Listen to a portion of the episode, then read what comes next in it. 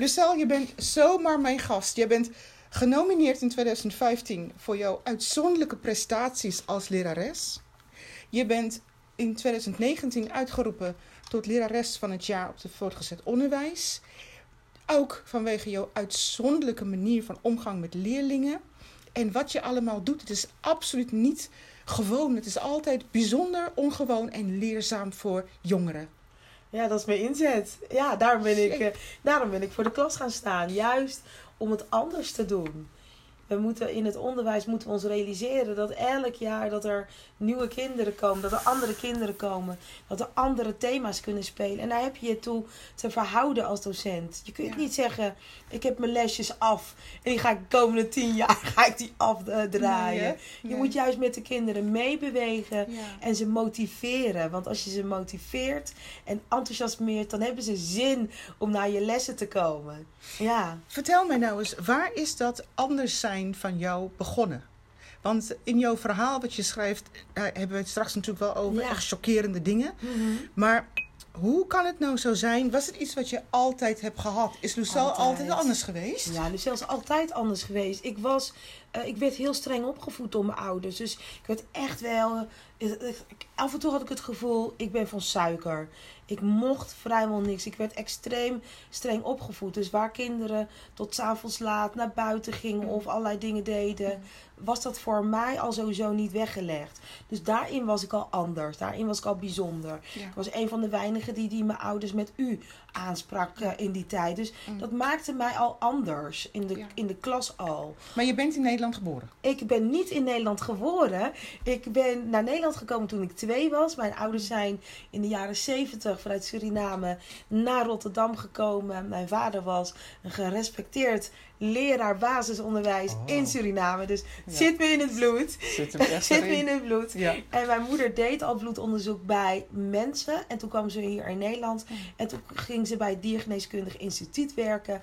En eh, deed ze onderzoek naar gekke koeienziekte, varkenspest. Dat soort dingen. En zo eh, ben ik, toen zij eenmaal een baan hadden, ben ik in Nederland eh, ook terechtgekomen. Ik heb eerst bij mijn oma gewoond. Oh, echt? Ja, ja, samen met mijn nichtje, Oh. van wie, de zus van mijn moeder. En Mm. zij waren hier ook. En Maar- zo zijn we hier gekomen. Dat, dat anders zijn, ehm, of het nou is door je opvoeding of je persoonlijkheid, maar dat is wel iets wat je ontzettend veel voordeel heeft gebracht. Ja, Hoe absoluut. kan dat dan? Omdat ik het anders zijn omarm. Ik, eh, ik vond het zo geweldig. Er was een reunie van school. Nou, het is echt al eeuwigheid geleden. De school waar ik op zat. En toen kwamen de dames naar me toe. Oh, jij was dat meisje. Jij had altijd andere kleren aan dan de rest. That's me. Dat was ik. Ja, mijn ouders zeiden geen merkkleding. Daar werken we niet voor. Kleding moet schoon zijn en het moet netjes zijn. En daardoor eh lette ik ook niet op merkkleding. Maar ik had wel een eigen stijl. En ik liep altijd net iets een beetje voorleggend. Oh. Of het kwam nooit in de mode. Maar dat vond ik ook, vond ik ook goed. Ja. Dus dat anders zijn was, eh, dat zat er Ja. al helemaal Ja. in. En ik denk dat toen ik naar de lerarenopleiding ging, ja, toen dreef ik eigenlijk soms docenten tot wanhoop. Want dan zeiden ze, lever een werkstuk in over geschiedenis. Maar dan dacht ik, oh, maar wacht even, je kunt ook Engels en Duits. En je kunt ook eh, drama erbij betrekken. En misschien ook een beetje iets met koken doen. En dan zeiden ze altijd, het, de opdracht is toch duidelijk? Geschiedenis. Ja. Meer niet. Dus dat, dat, dat vakoverstijgend lesgeven, wat toen nog niet in was. Ja. Daar was ik toen al mee bezig met al die verbanden leggen. Maar ja, Ja. dat vonden ze niet altijd even prettig. Ja, maar je bent wel een uitdaging. En kijk, wat ik zo mooi vind aan jou is... doordat jij bent zoals je bent... geef je andere mensen wel de ruimte, Lucille. Ja, Want zoveel mensen zijn anders. Weet je, dat gevoel van ik ben anders... maar er zijn altijd wel mensen die ook anders zijn... maar zij, ze, ze, ze willen jou niet accepteren. nee, dat klopt. Ja, Maar toen begon je natuurlijk wel met, eh, met onderwijs... en daar schrijf je een verhaal over... ja. En ik vind het nog steeds een shocking verhaal. Dat je helemaal. ehm, je werd eigenlijk wel uit de lerarenkamer Ja, getrokken. Ja, ik werd door drie mannen uit de medewerkerskamer eh, getrokken. Ik had mijn haar net ontkroest. En eh, ja, het zag er helemaal mooi uit. Ik weet nog precies wat ik aan had. Dat kennen wij, hè? Ja, een, een, een zwart kokerrokje, zwarte pumps en een mooi grijs truitje, pareloorbelletje in. En nou ja, ik, eh, ik, ik zat gewoon lekker in de medewerkerskamer en er werd een opmerking gemaakt over mijn haar en dat, wat er zou, mee zou kunnen gebeuren als het nat werd. Ja. Waarop drie mannen echt op me afkwamen. Ze sleepten me echt mee. Ik ging echt met mijn voeten over de vloer. Ik word meegenomen naar zo'n wasbak. Mijn, eh, de kraan wordt opengedaan. Mijn hoofd wordt in het water geduwd. Ze gaan er nog met hun handen doorheen. En ik sta op en ik weet nog dat mijn vriendin in haar rolstoel, die collega was er achteraan rolt van hou op, doe normaal. Hè? En het ja, was ook een soort van toren, dus dat galmde ook naar boven. En ik kom weer boven water, eh, boven, bovenop en eh, er staat een roostermaker tegenover me en die zegt, je hoeft niet te denken dat je morgen vrij krijgt om naar de kapper te gaan. En zo, eh, helemaal nat, heb ik de laatste les gegeven en ging ik huilend naar huis. Ja. Jij vond het niet grappig. Nee, absoluut niet. Ik, het, het was heel beangstigend, want het deed ook echt pijn. Want ze Ja. pakte me ook echt stevig vast. Ik kon me niet loswringen. En, maar het was, ehm, het was vooral vernederend. Ja. Ja, was En vernederend. Als ik het zo hoor, dan lijkt het alsof de ander misschien wel de humor hier- hiervan inzag. Ja, want ze liepen ook, de bel ging en die mannen lopen ook gewoon zo weer weg. Alsof er niks aan de hand is. En die collega zegt, hoor ik heel ver weg. Hoor ik zeggen, gaat het, gaat het? En ik, ik kijk alleen maar naar beneden en ik zie dat ik nat ben. En ik loop terug, ik pak mijn tas en ik geef mijn laatste les. Dat je laatste Ja. les nog gaf. Ja, Ja, dus, dit is toch voor iemand die niet uit onderwijsland komt, sowieso vind ik het echt heel merkwaardig. Maar Ja. jij zet door. ja Jij absoluut. laat, jij laat je niet letterlijk gewoon niet gek maken. Door al, je blijft in het onderwijs. Je, je maakt prestaties. Je gaat van de een tot de ander. Maar door dat anders zijn ben je al vaker in posities en situaties gekomen. Ja, Waar je echt dacht van, hoe ben ik hier beland? Ja. Ik doe mijn werk uitstekend. ja. En dan denk je niet eh, eens van, hé, hey, ik doe mijn werk uitstekend. Want je geeft het beste van jezelf. En je hoopt dat de feedback, maar ook die examenresultaten voor zich spreken. Maar in onderwijsland ben je altijd zoekende aan wat, eh, eh, naar wat is het beste voor je leerling. Ja. En eh, hoe kan ik ouders zo goed mogelijk hierbij helpen? Want het is, het is een driehoekje. Je doet het Ja. samen Ja, met de kinderen en de ouders en verzorgers. Ja. En soms ook met, een, eh, eh, met mensen die de, die de zorg beter, ja, zeg maar, in de gaten houden. Omdat er iets extra speelt. Mm. Dus die onzekerheid is er altijd. Ja, precies. Maar ja, het wordt lastig als mensen het anders zijn, aanpakken om je ook anders te behandelen. Ja, maar hoe kan dit dan? Wij zijn toch volwassenen onder elkaar.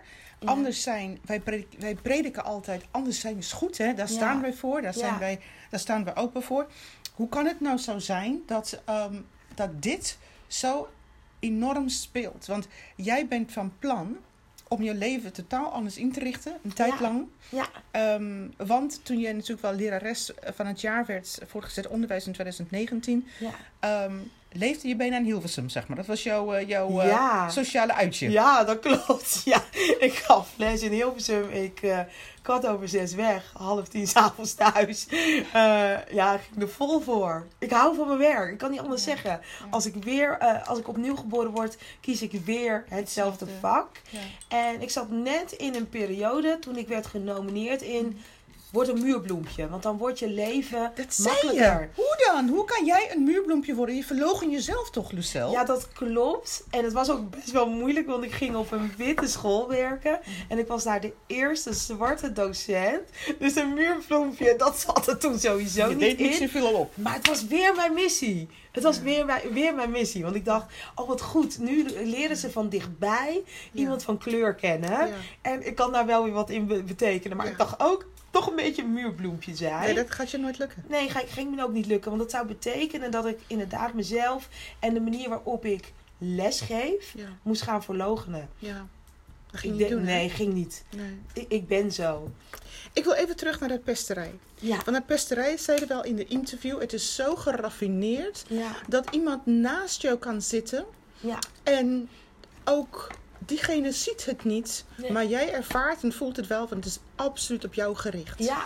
Ja, het gaat om met de ogen draaien, een beetje lachen, zorgen dat je bepaalde informatie niet krijgt, waardoor je eh, slecht ingelicht bent, Ja. eh, dingen net iets anders zeggen. Mm. Ja, het- echt, kan heel, je voor gek zetten Ja. bij ouders. En met Oh, ja. opzet bijvoorbeeld bepaalde dingen niet invoeren. En dat ouders bij jou komen klagen, maar waarom staan die cijfers er nu niet in? Ja. Wat, ik, wat ik ook zo, ehm, zo vreselijk mooi vind in je verhaal, vertel je ook tegelijkertijd. Jij, je bood ook ruimte aan ouders die gescheiden waren. ja, Je weet natuurlijk als leraar vooral, want daar hoor je het als eerst en merk je als eerst, onze maatschappij verandert. ja, En ouders willen betrokken zijn, ook al zijn ze niet meer samen. ja, dat klopt. Ja. Is het niet gewoon dat daar over nagedacht wordt, eh, dat er ruimte gegeven wordt voor dat soort dingen? Nee, en dat komt natuurlijk ook doordat mijn ouders ook gescheiden waren. En ik wist dat ze lange werkdagen maakten. Ja. En als je. eh, mijn ouders hebben hard gewerkt om uiteindelijk te komen waar ze zijn gekomen. Ja, Maar voordat je daar komt, heb je wellicht een baan waar je niet de vrijheid, de autonomie hebt om je dagen zelf in te richten. precies. Dus als school kan ik zeggen, ik wil u graag om drie uur zien. ja. Maar als die baas dan zegt, lever dan de helft van je dagsalaris eh, in. ja, Wat kies je dan? precies. Voor brood op de plank. Ja, Nou, voor die ouders eh, wilde ik echt wel eh, ervoor zorgen dat zij, ook zij naar die ouderavond Ja. konden. Gewoon belangrijk. Ja, ik vind, dat, ik vind het waanzinnig mooi hoe jij in staat bent om zo flexibel te kijken naar wat de leerling nodig heeft. En aan de andere kant word je zo enorm daarop afgerekend. Want Ja. de, dat incident, laten we zeggen, dat, je groot incident waar we het hebben in het begin van je carrière, wat je nooit meer zal overkomen, zei je. Nee, nooit meer. Nee, Nu, nu, eh, nee echt niet. Maar er zijn natuurlijk wel heel veel van dat soort incidenten Ja, eh, gekomen. ja klopt. En jij zegt zelfs ook onderzoek naar, of tenminste, er is onderzoek ja, naar dus gedaan. er zijn twee grote onderzoeken naar gedaan, maar er is nog steeds niet een soort van plan. Als we kijken naar pesten onder leerlingen, is ook altijd eh, best wel een gevoelig onderwerp geweest. En voordat we naar een pestprotocol gingen voor kinderen, nou, dat is, is niet heel snel gebeurd. Dus, want het is een, ook een lastig probleem. En dat is hier ook weer. Mensen schamen zich er ook voor om Ja. erover te praten. Ja, Er is te weinig kennis hoe je als werkgever ja, om moet gaan met pesten. Dus het is makkelijker als het slachtoffer, hè, het pestslachtoffer, Mm. eh, verdwijnt. Ik zeg heel eerlijk, ik ben geen slachtoffer. nee, Ik dat ben is helder. sterk. Ja. Maar Ja, het is natuurlijk wel zo, je weet op een gegeven moment, dan zit je in de dynamiek van, een, eh, van, van, van dat hele geheel. geheel. Ja. En iedereen is tegen je. Ja. Dan heb je wel zoiets van, dan vertrek ik maar liever. Ja. Want dit is niet meer houdbaar. Dat snap ik. Maar je moet bij jezelf op een bepaald moment de kracht vinden om te denken: ik oké, jij niet oké.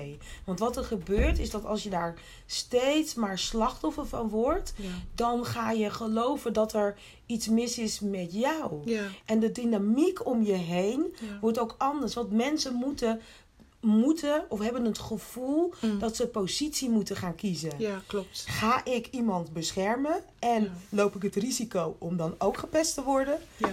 Eh, of denk ik bij mezelf, ik heb een leuke functie op het oog. Of ik heb eh, eh, deze baan hard nodig, dus ik bemoei me er niet mee. ja, En ik kijk de andere kant op. precies. En het wordt nog erger, al, want er zijn ook situaties waarin een leidinggevende mee gaat pesten. You're kidding me. Nee, hè. Nou, maak je borst dan maar nat. Ja, maar dan, dan- moet je van goede huizen komen om rechtop te blijven staan en te denken: maar ik ga niet weg.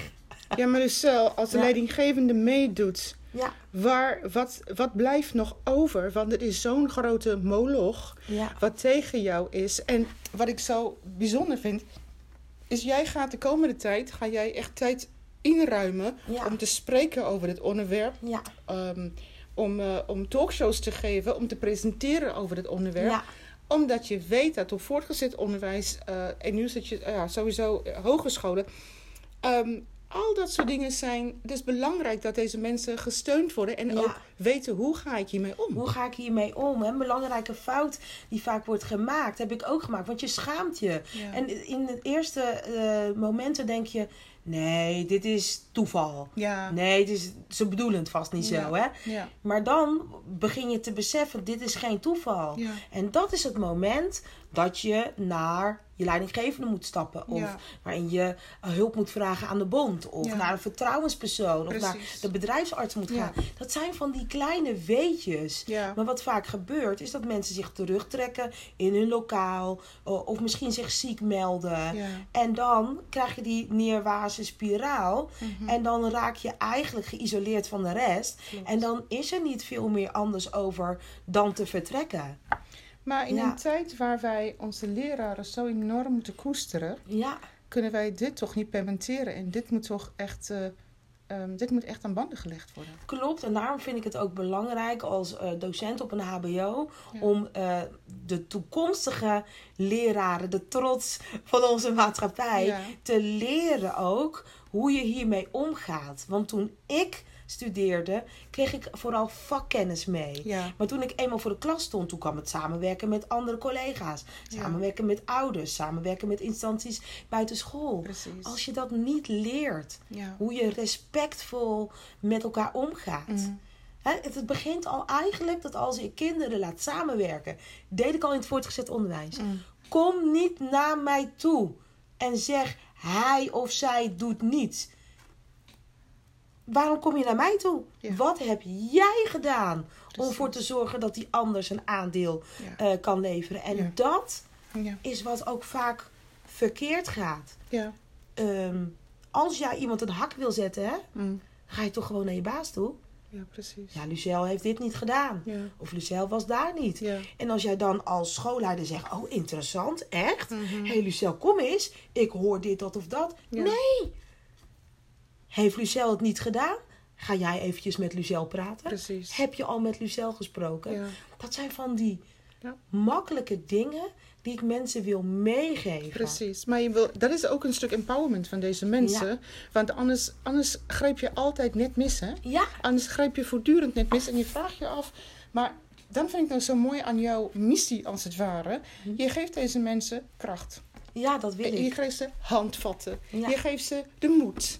Maar ze hebben het nodig, want wij hebben deze mensen nodig als maatschappij. Ja, Dus ja. jouw werk is niet alleen een soort van Lucelle gaat het doen. Nee, Lucelle doet het voor ons. Oh, dat is lief. Ja. Ja, maar het is, Ja. Wel, het is wel maatschappelijk, vind ik zelf. Want wij willen onze leraren niet kwijt. Nee, weet je? zeker niet. We moeten er meer bij krijgen. En dan is het belangrijk dat je ehm, ervaart en dat je de, de, zeg maar de psychologische veiligheid ervaart. Ja. Zodat je bijvoorbeeld fouten durft te maken. We zijn Precies. allemaal mens. Ja. We maken fouten. Je moet hulp kunnen vragen aan je Precies. collega's zonder dat je denkt, ja, maar dat gaat tegen mij gebruikt Precies worden. dat, hè? Hulp vragen, leren. Nee, dat kan niet. Eh, je moet wel helemaal kennisrijk hier komen en alles kunnen. Ja, Dat is, dat is toch bizar? Dat is toch dat is niemand in bizar. zijn leven? Ja, Weet je wat ik zo krachtig vind aan jou? Hè? Wij zijn allebei gekleurde vrouwen. Ja, Wat ik zo mooi vind aan jou is, je zegt, Lucinda, ik trek niet de kaart van dit is, dit is de wijte aan mijn kleur. nee. En weet je wat ik zo Nee. mooi vind eraan? Ja. Je geeft de ruimte aan alle mensen die anders zijn, Ja. dat zij ook mogen weten dat zij daarin gesteund worden. Ja, Want als jij die kaart zou trekken van het is mijn kleur,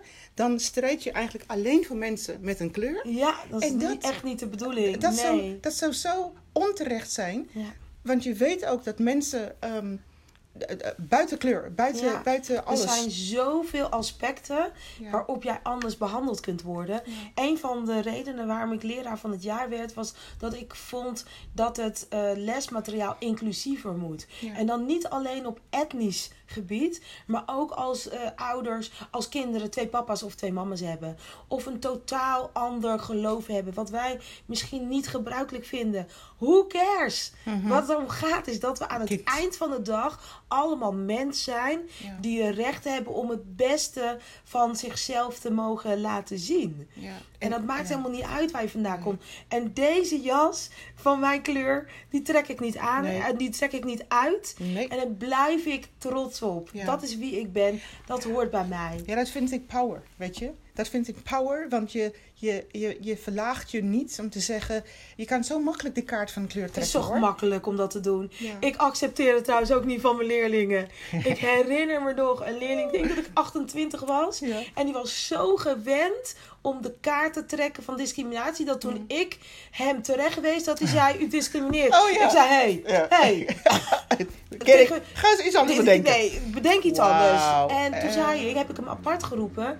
Ik zeg, tuurlijk weet ik dat in de ogen van andere mensen dit soms in een beoordeling naar jou toe een rol zal spelen. Maar dit, onze kleur, raken we nooit meer kwijt en daar moet je trots op zijn. Precies. En nu ga je keihard werken en laten zien Ja. dat je meer bent dan je kleur. Ja. Hij begon op het VMBO. Mhm. En ik kreeg altijd te horen: geef die kinderen van het VMBO niet zulke grote dromen mee. Ik zeg altijd: reach for the moon. Because even if you miss, you will be among the stars. Ja. Er is niets anders dan eh, niets ergers dan dat je iets niet hebt bereikt omdat je het niet hebt geprobeerd. Ja. Deze jongen is op VMBO begonnen. Mhm. Ik denk een jaar of zes, zeven geleden. Zijn universitaire Oh, opleiding afgerond. Mooie manager. En toen eh, mailde ik hem. Ja. Herinner je die, die les nog? Ja, mevrouw. Ja. Ik zeg, heb je het ooit nog eerder herhaald? Nee, mevrouw. Zeg, en Precies. kijk waar je nu bent. Ja. Je hebt een geweldige baan. Ja. Je hebt aan al die andere mensen laten zien dat je met het VMBO Ja. echt wel een mooi leven voor jezelf kunt opbouwen. Precies. Je hebt een vrouw, je hebt kinderen, je hebt een huis. En je rijdt in een duurdere auto dan je juf ooit zal rijden. Ik bedoel, hoe heb je het zo goed gedaan? Door hard te werken en vertrouwen te hebben in jezelf. En absoluut niet de slachtoffer uithangen. Niet de slachtoffer. Wij zijn sterk. Je, je moet eigenlijk zeggen, ondanks mijn fantastische huidskleur Ja. zit ik op deze Ja. positie. En dat is terecht, dat ondanks hoor. Ja. En Ik, eh, ik maak het, oh ja, mijn zoon heeft net een, een- iets meegemaakt waarvan ik denk van, ondanks. Juist. En weet je, dat is zo belangrijk dat je als, als lerares, maar als ouder, dit een kind ook meegeeft. ja, ondanks. Maar- We maar zijn sterk. Daarom. En dat, dat vind ik ook iets om te beklemtonen. Want ik vind het ook zo vreselijk ehm, mooi, weet je. Ik, ik vind het briljant aan jou dat dit gewoon een stijl is wat je, wat je vol en volhoudt. Ja, Maar nu ga je natuurlijk wel spreken, je gaat Ja. presenteren. ja. Wat is, ehm, waar, ga je, waar wil je spreken hierover? Waar wil je presenteren? Ik wil, ik zou heel graag op scholen willen spreken. Ja, Eh, bijvoorbeeld op studiedagen, maar ook uitgenodigd worden door scholen waar dit speelt. Ja. Op lerarenopleidingen, maar ook op het podium. Ja. Samen met andere leraren die dit ook hebben meegemaakt. Ja. En niet om te laten zien van boehoe, wat zijn we zielig. nee. Nee, want ondanks alles staan we hier. Maar we willen wel laten zien, meegeven hoe belangrijk het voor je organisatie is dat pesten de kop in wordt gedrukt. Want het kost onze gemeenschap geld en het kost in ons geval in het onderwijs leerlingen hun toekomst. Ja, En als jij ooit hebt gedacht, ik ga het onderwijs in omdat ik het beste wil voor die leerling, Hmm. dan mag je dit niet laten gebeuren. Niet als leraar. nee. Niet als manager, niet als directeur, helemaal niemand. Weet je, ik vind je zo'n krachtige spreekster. Je bent zo gepassioneerd over het onderwerp. Maar het is eigenlijk zo, je kan niet anders. Want dit vak ehm, heeft jouw hart. Jij, Ja. Je zit precies in je goede vak. En je weet ook dat wij, wij sturen de toekomst van jongeren. Je maakt, het is vaak als kinderen thuis misschien wankel hebben, is de leraar die het verschil maakt. ja, En dan moet je, net zoals jij ook zei, niet bezig zijn met de pesten van een andere leraar. Of Ja. bang zijn dat je gepest wordt. Of bang Ja. zijn tijdens het pesten. ja, Je moet gericht zijn op dat kind. precies. En er, er zit nog iets anders bij. Ehm, vaak denken docenten dat leerlingen het niet zien. Ik had ooit wel eens dat ik, dan ga je weg, je neemt Mm. afscheid. Mm. Zo'n leerling is nog iets aan het afmaken. En Mm. het was best wel een uitdagende jongen, maar ik hield van hem. Ja. Want daarom kies ik ook voor het VMBO. Ze hebben Ja. het hart op de tong. En je moet ze een beetje entertainen. Dus vind ik leuk. En hij, zei, hij keek me aan en hij zei tegen mij... Mevrouw, u weet waarom ze hebben gedaan met u wat ze hebben gedaan, hè? Dat weet u, hè? Nee, hè? Hij wist het. Hij zag dat. Hij zag dat. Hij zei, mevrouw, het is eigenlijk gewoon afgunst. En het maakt niet uit. Daar gaan wij nog even een paar minuten aan besteden. De afgunst. Mhm. Want jij, jij komt op tv, je, komt, eh, je, je spreekt op talkshows, overal, je interviews, je weet wel hoe dat gaat. Ja. En dat doet zeer bij andere mensen. Ja, en toch vind ik dat eh, heel erg jammer. Ik begrijp dat. Maar iedereen die mij kent, die Mhm. een beetje in mijn ehm, mijn zone zit. Ja. Die weet dat ik mijn positie als ambassadeur Ja. ook heb gebruikt om anderen een podium te geven. Als ik zou willen, was er een periode dat ik elke dag op tv kon komen Ja. of in de krant zou kunnen komen. Ja. Maar als een tv-programma mij belt Mhm. en vraagt om te komen spreken over een onderwerp waar ik niet zo thuis in ben, Mm. zeg ik: Je moet mij niet hebben. Je moet die of die hebben.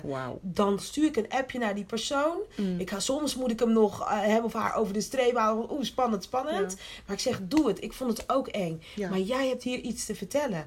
Ik hou het niet allemaal voor mezelf. Ja. Wauw, dat is, dat is ook een uitzonderlijke karaktereigenschap. Want ehm, ik zelf heb, ik heb een tv, maar ik kijk geen tv. Ja, ik heb, ik heb namelijk geen abonnement. Maar wat ik wel weet, is dat ik lees dan op Twitter. Ik zie dat heel veel mensen daar zitten zonder kennis. Ja, Alleen om daar doen. te zitten. Ja, ga ik niet doen.